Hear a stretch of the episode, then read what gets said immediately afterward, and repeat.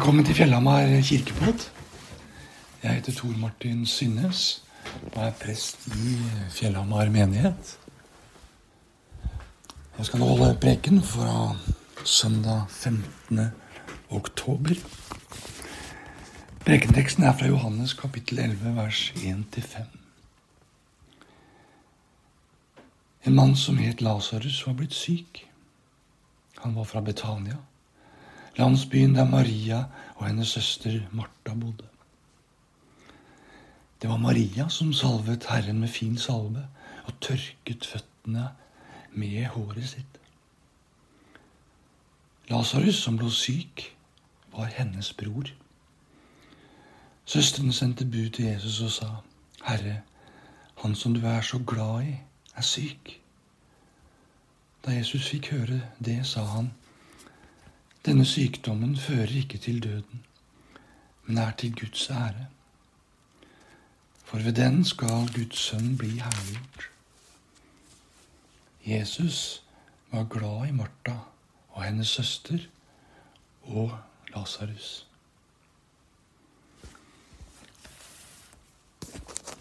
I gudstjenesten så um, ble to små jenter døpt.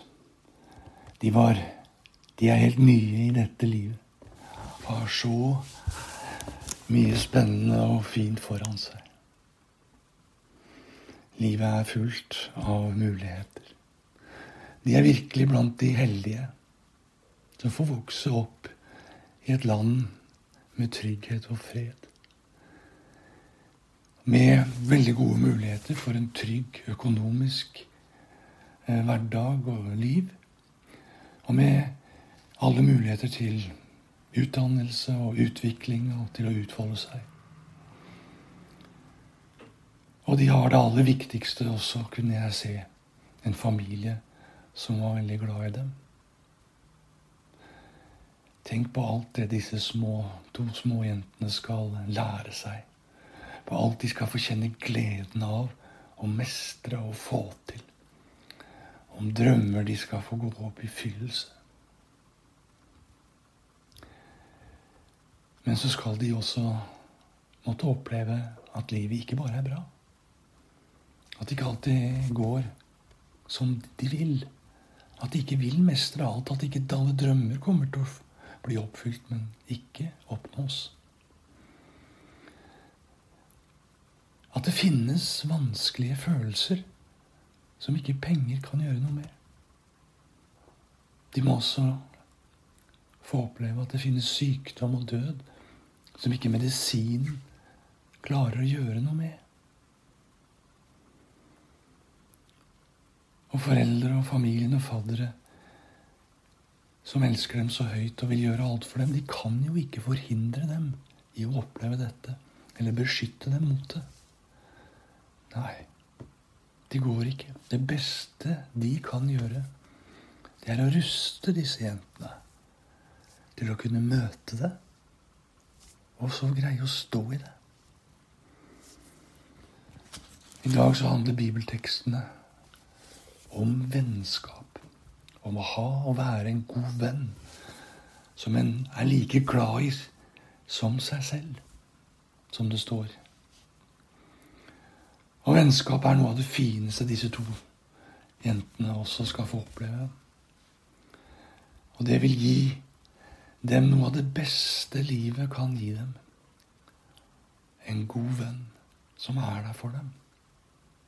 Men det er jo ikke bare enkelt og rett fram, det heller. Og det er jo noe foreldre ikke kan fikse for disse små jentene. Vennskap må de selv greie å etablere og skape. Det er en spennende ting å følge med på. Og vi vet som sagt at dette ikke er så lett. Kanskje det, kan det virke som det er blitt verre i dag. Vet ikke. Det er i hvert fall mange, ikke minst unge, som gir uttrykk for at de kjenner seg ensomme og alene i dag. Undersøkelser viser det at tallene er høye. Og nesten halvparten av oss lever i hus alene. Det virker som det er blitt vanskeligere med vennskap for mange i vår tid. Man kan jo spørre om det er en følge av den digitale revolusjonen i vår digitale verden. Og kanskje også nå i det siste av pandemien. I dag fokuseres det mye på farforholdet i relasjoner. Kan lese om det overalt, og være to. Finne en å leve sammen med. Men det er blitt krevende greier, det også. Det er mange krav og ting som skal klaffe. Så det er ikke noen småtteri å finne ut av det der. Og så er sex fremstår som liksom det veldig store og overdrevent viktige, vil jeg si. I dag skal vi høre om vennskap, som ikke er dette parforholdet hvor, hvor som sexen er det store, viktige. I dag handler det om kjærlighet i form av å ha en god venn. For med en god venn så er ikke kjærlighetens tid forbi. Om du ikke har en kjæreste eller en samboer, en gift partner som du kan leve med. For det er få ting som kan gi oss kjærlighet, gi oss noen å være glad i, og som er glad i oss som en ordentlig god venn. Vi leste også tekst om David og Jonathan fra 1. Samuels bok 18 i gudstjenesten. Jonathan var nok eldre enn David. Og Jonathan han var prins, sønnen til kong Saul. David var den nye, unge yndlingen. Så han ble tjener hos kong Saul og sang for han for å gjøre han lettere til sinns, blant annet. Og David var også i hemmelighets blitt salvet til den nye kongen av profeten Samuel. Fordi Samuel viste, nei, fordi Saul viste seg å være en dårlig konge som vendte seg bort fra Gud og ikke fulgte hans vilje. Den kjente fortellingen om David var da han som en liten, uh, ung gjetergutt våget det ingen av Sauls soldater turte og kjempe mot motstanderhærens kjempe Goliat, filisteren Goliat. Og med sin slynge med en stein i klarte han å vinne over og så drepe Goliat. Og vant dermed krigen for Israel og for kong Saul. Etterpå sang hele Israel og alle landsbyer. Saul slo tusener. David slo titusener. Da ble Saul sjalu, kong Saul så sjalu når han hørte det. Og tenkte nå tar han kongsmakten fra meg. Og han ville drepe David. Og da fikk jo da Jonathan et skikkelig problem. Han var arving til tronen, som David òg var salvet til å ta fra ham. Og det er her vi hørte ordene vi leste fra 1. Samuel 18, som viste jo hva Jonathan valgte. Det står da David hadde snakket med Saul, ble Jonathan nært knyttet til David, og han fikk han så kjær som sitt eget liv.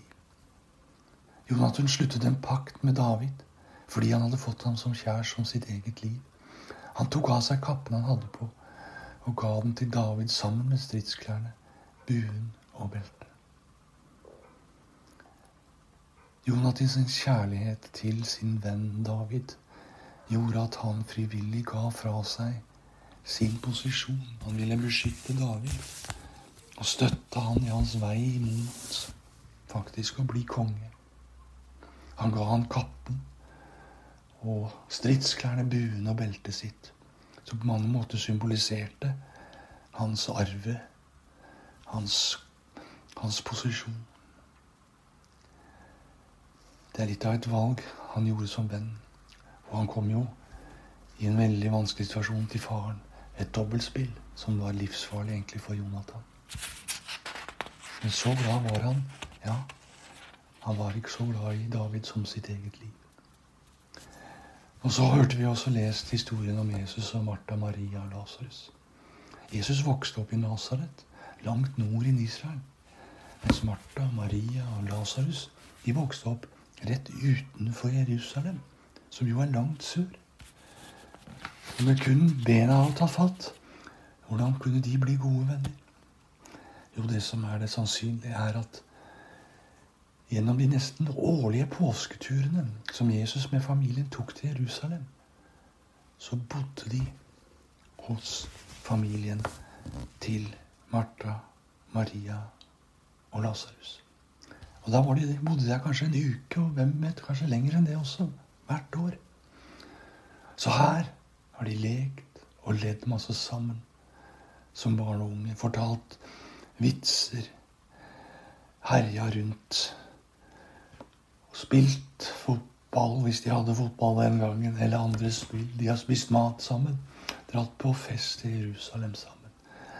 De har overnattet sammen og sneket seg ut kanskje om natta og funnet på mye gøy. Og så har de fortalt hverandre hemmeligheter om forelskelser eller andre ting som skjer.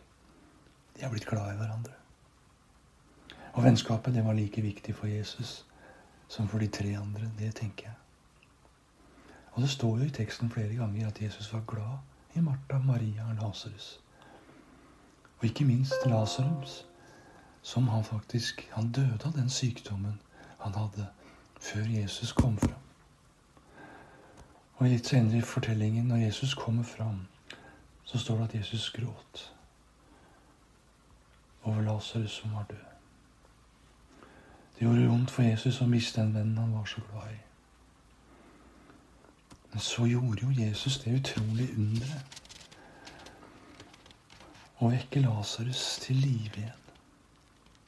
Han vendte det vonde til noe godt som bare Jesus kom. Og dette vonde ble da til Guds ære, og det viste Og Jesus viste da hvilken kraft og herlighet som han hadde fra Gud, som hans sønn. På den måten så ble denne sykdommen til Guds ære. I den siste bibelteken som vi leste fra brevbrevet, så, det vakre, står det vakre ting. Det er kapittel 13, vers 1-3. Så står det vakre ting om søskenkjærlighet. Det står om gjestfrihet. Og aller vakrest så står det om det å ha gjester. Det er som å ha engler på besøk uten å vite det. Kan vi tenke sånn om gjester? Også de som vi ja, kanskje syns er litt ikke så eh, ja, grei å ha med å gjøre alltid. Noe som vi ikke sånn alltid går like godt overens med. Kan vi tenke om gjestene våre at de er engler uten at vi vet det? Kan vi tenke sånn om å åpne hjemmet vårt for alle hverandre og dele av våre goder? At vi åpner hjemmet for en engel fra Gud, og vi deler med en engel fra Gud. Også de som vi ikke kjenner. Og ikke minst de som har det vanskelig. Sitter i fengsel, ensomme, de syke, de som sliter med rus. En asylsøker som er ny i landet. Og andre som på ulike måter sliter med livet. Vi kan ta vare på de fattige med gi penger. Det er å gi til engler.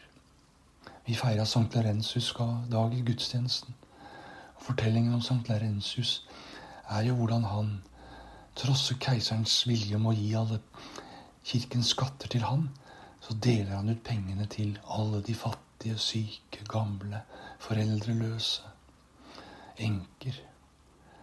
Alle kirkens skatter deler han ut før han så tar med alle disse fattige, undertrykte til keiseren og sier 'her er kirkens skatter'.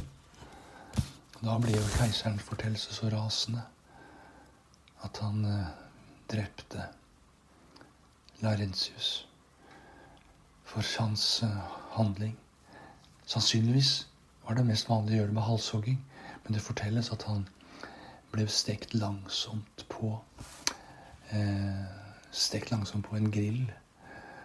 Og så fortelles det også at, at Sankt Larensius lo underveis, og så sa han Nå er steken ferdig på den ene siden. Snu den til den andre.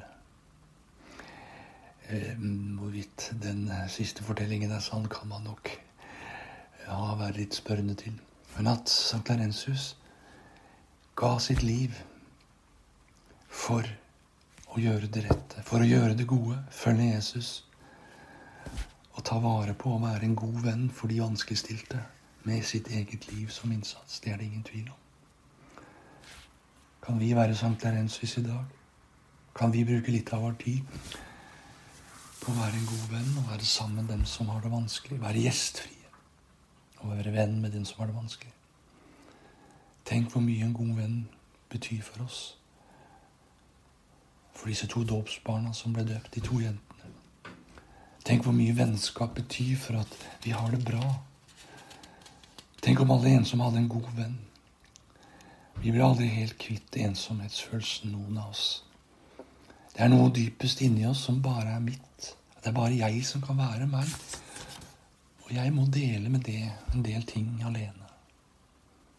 Det kommer vi ikke unna, noen av oss. Men en god venn kan jeg virkelig dele mye med.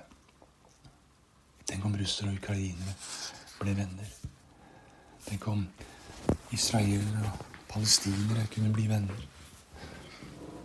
Det er mange russere, ukrainere, og palestinere og israelere som er venner.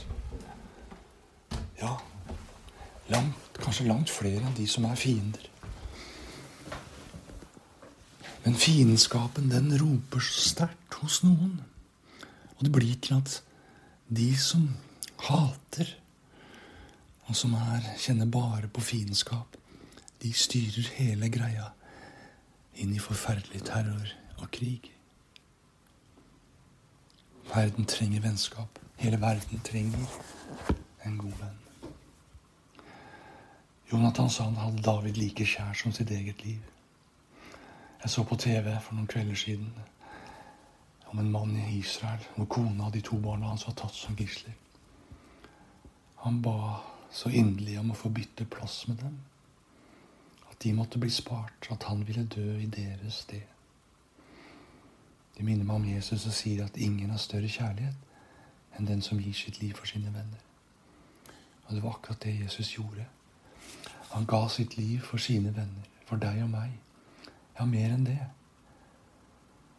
Han ga sitt liv for alle som vil ta imot hans offer, hans nåde og hans kjærlighet.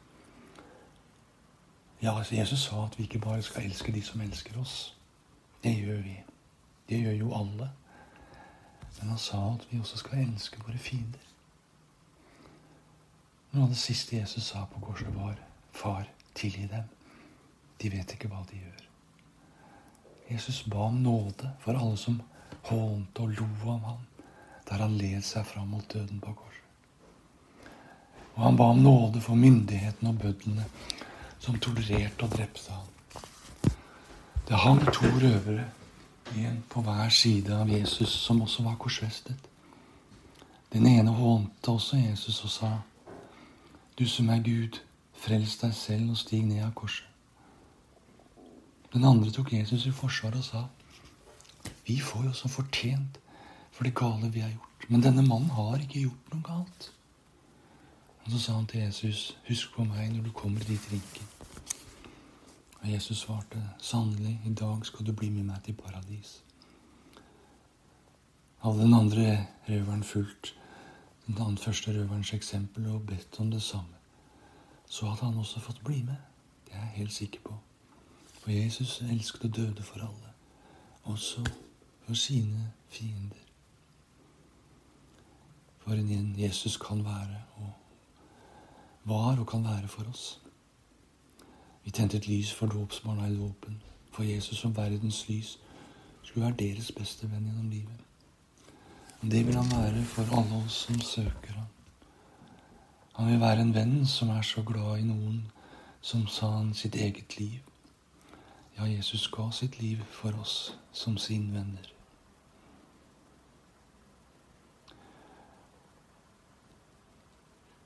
I Freidi, som vi synger et sang etter preken, så står det i et vers Se siste verset. Kjemp for alt hva du har kjørt. Dø om sånn det gjelder, så er livet ei så svært. Døden ikke heller. Når vi får noe som er virkelig verdifullt for oss, noe vi virkelig er glad i, som gjør oss villige også til å dø for det, da blir både livet og døden lettere. Kjærligheten og vennskap er en sånn ting. Ta imot velsignelsen. Herren velsigne deg og bevare deg. Herren la sitt ansikt lyse over deg og være deg nådig. Herren løfte sitt åsyn på deg og gi deg fred. Amen.